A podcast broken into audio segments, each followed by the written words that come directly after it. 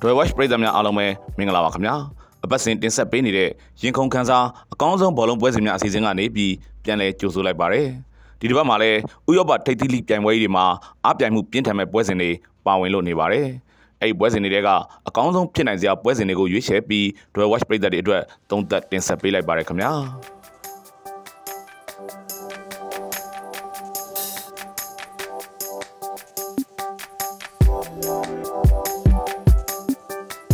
လီဗာပူးအာဆင်နယ်လီဗာပူးအတွက်ကန်ဆိုးမှသွားလျာစီမိုးရီတဲတဲမဲမဲလိုက်ရွာနေတဲ့သတင်းပတ်တွေပါပဲ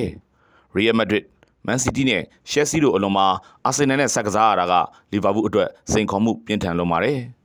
အသင်းကပုံစံကောင်းရနိုင်မှုအတွက်ရုန်းကန်နေရချိန်မှာထိပ်သီးအသင်းကြီးတွေနဲ့ဇက်တိုက်ကစားရတာကလီဗာပူးအတွက်မလွယ်ကူလှပါဘူး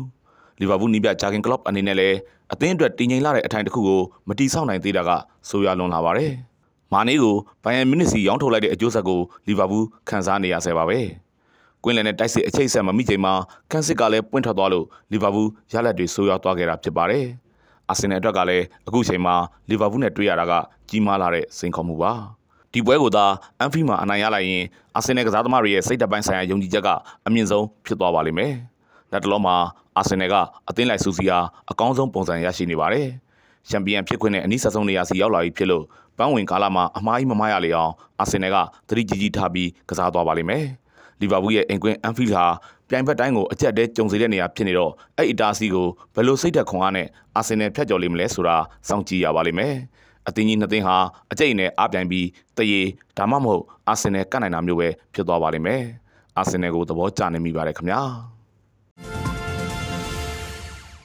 မန်ယူအဲဗာတန် ရာသီဝက်ကာလမှာတောက်လျှောက်ဆိုသလိုကောင်းကွက်တကြီးပြသလာခဲ့တဲ့မန်ယူဟာရာသီသိန်းခါနီကိုရောက်မှရာသီအစောပိုင်းကာလတွေကလိုပြန်ဖြစ်လို့လာခဲ့ပါပြီ။တချို့ကတော့မန်ယူရှင်မန်ပြန်ပြနေပြီလို့ပြောဆိုတာတွေတောင်ရှိနေပါတယ်။မန်ယူဟာကွင်းလယ်အထိုင်ပြတ်နေသလိုကစားသမားတွေကလည်းပွဲဆက်များမှုနဲ့ပွဲပန်းမှုဒဏ်တွေကိုစိုးစိုးရွားရွားခံစားနေရပါတယ်။ကွင်းလယ်ကပွဲကိုစိုးမိုးပြီးအသာစီးမြူနိုင်တဲ့အခြေအနေမှာခန်းစစ်ကစားသမားတွေဖိအားပိုဝင်လာခဲ့ပြီးလီဗာပူးနဲ့ပွဲမှာဆိုရင်ရုပ်ပြက်ဆင်းပြက်တွေတောင်ဖြစ်သွားခဲ့ရပါတယ်။ နောက်ဆုံးကစားခဲ့တဲ့ပရီးမီးယားလိပွဲစဉ်၄ပွဲမှာဆိုရင်နိုင်ပွဲကတပွဲဂိုးပေါက်ပြောက်တာက၃ပွဲပေးကိုက၉ကိုနဲ့မန်ယူကဖြစ်ချင်နိုင်ကိုဖြစ်နေတော့တာပါ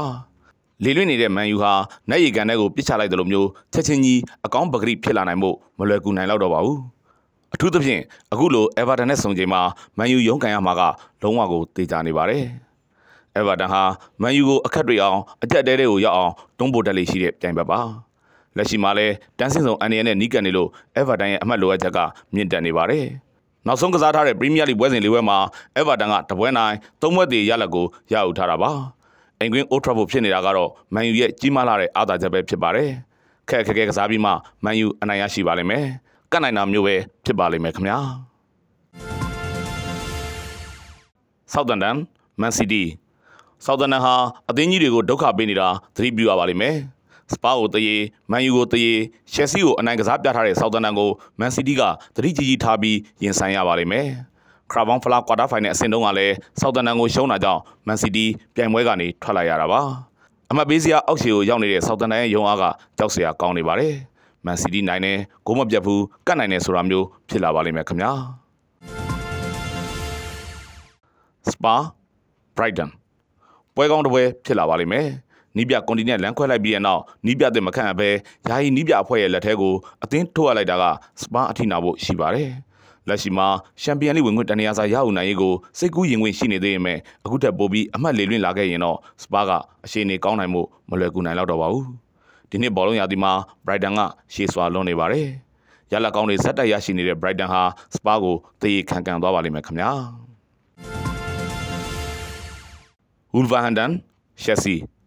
ဟန်ဒန်ရှက်ဆီဟူလ်ဗာဟန်တန်လည်းတမ်းမစင်းရစေအတွက်အသေးအတန်တွေရုန်းကန်နေရပါတယ်။နောက်ဆုံးကစားခဲ့တဲ့ပရီးမီးယားလိပွဲစဉ်9ပွဲမှာဟူလ်ဗာဟန်တန်ကနိုင်ပွဲဆိုလို့တပွဲတည်းသာရှာဖွေတွေ့ရှိခဲ့တာပါ။ရှက်ဆီကအသင်းရဲ့နီးပြအဖြစ်လမ်ဘတ်ကိုအစားထိုးခန့်ထားပါတယ်။လမ်ဘတ်ဟာရှက်ဆီရင်ဆိုင်နေရတဲ့အခက်အခဲအကျက်တဲတွေကိုအလှည့်အပြောင်းလုပ်ပေးနိုင်စွမ်းရှိလိမ့်မလားဆိုတာစောင့်ကြည့်ရမှာပါပဲ။ဟူလ်ဗာဟန်တန်ကတော့တရေတမတ်ရရှိနိုင်ဖို့ကသာဥတီပါလိမ့်မယ်။ရှက်ဆီကတ်နိုင်သွားပါလိမ့်မယ်ခင်ဗျာ။ အခုဆိုရင်ဒီတစ်ပတ်ရဲ့ရင်ခုန်ကန်စားစိတ်လှုပ်ရှားစရာဘောလုံးပွဲစဉ်တွေကပွဲစဉ်၅ပွဲကိုရွေးချယ်သုံးသက်တင်ဆက်ပေးခဲ့ပြီးဖြစ်ပါတယ်။ Royal Watch ပြည်သက်တွေအနေနဲ့ကံကြမ္မာကောင်းတွေကိုရရှိပိုင်ဆိုင်နိုင်ပါစေကြောင်းလဲဆုတောင်းပေးလိုက်ပါတယ်ခင်ဗျာ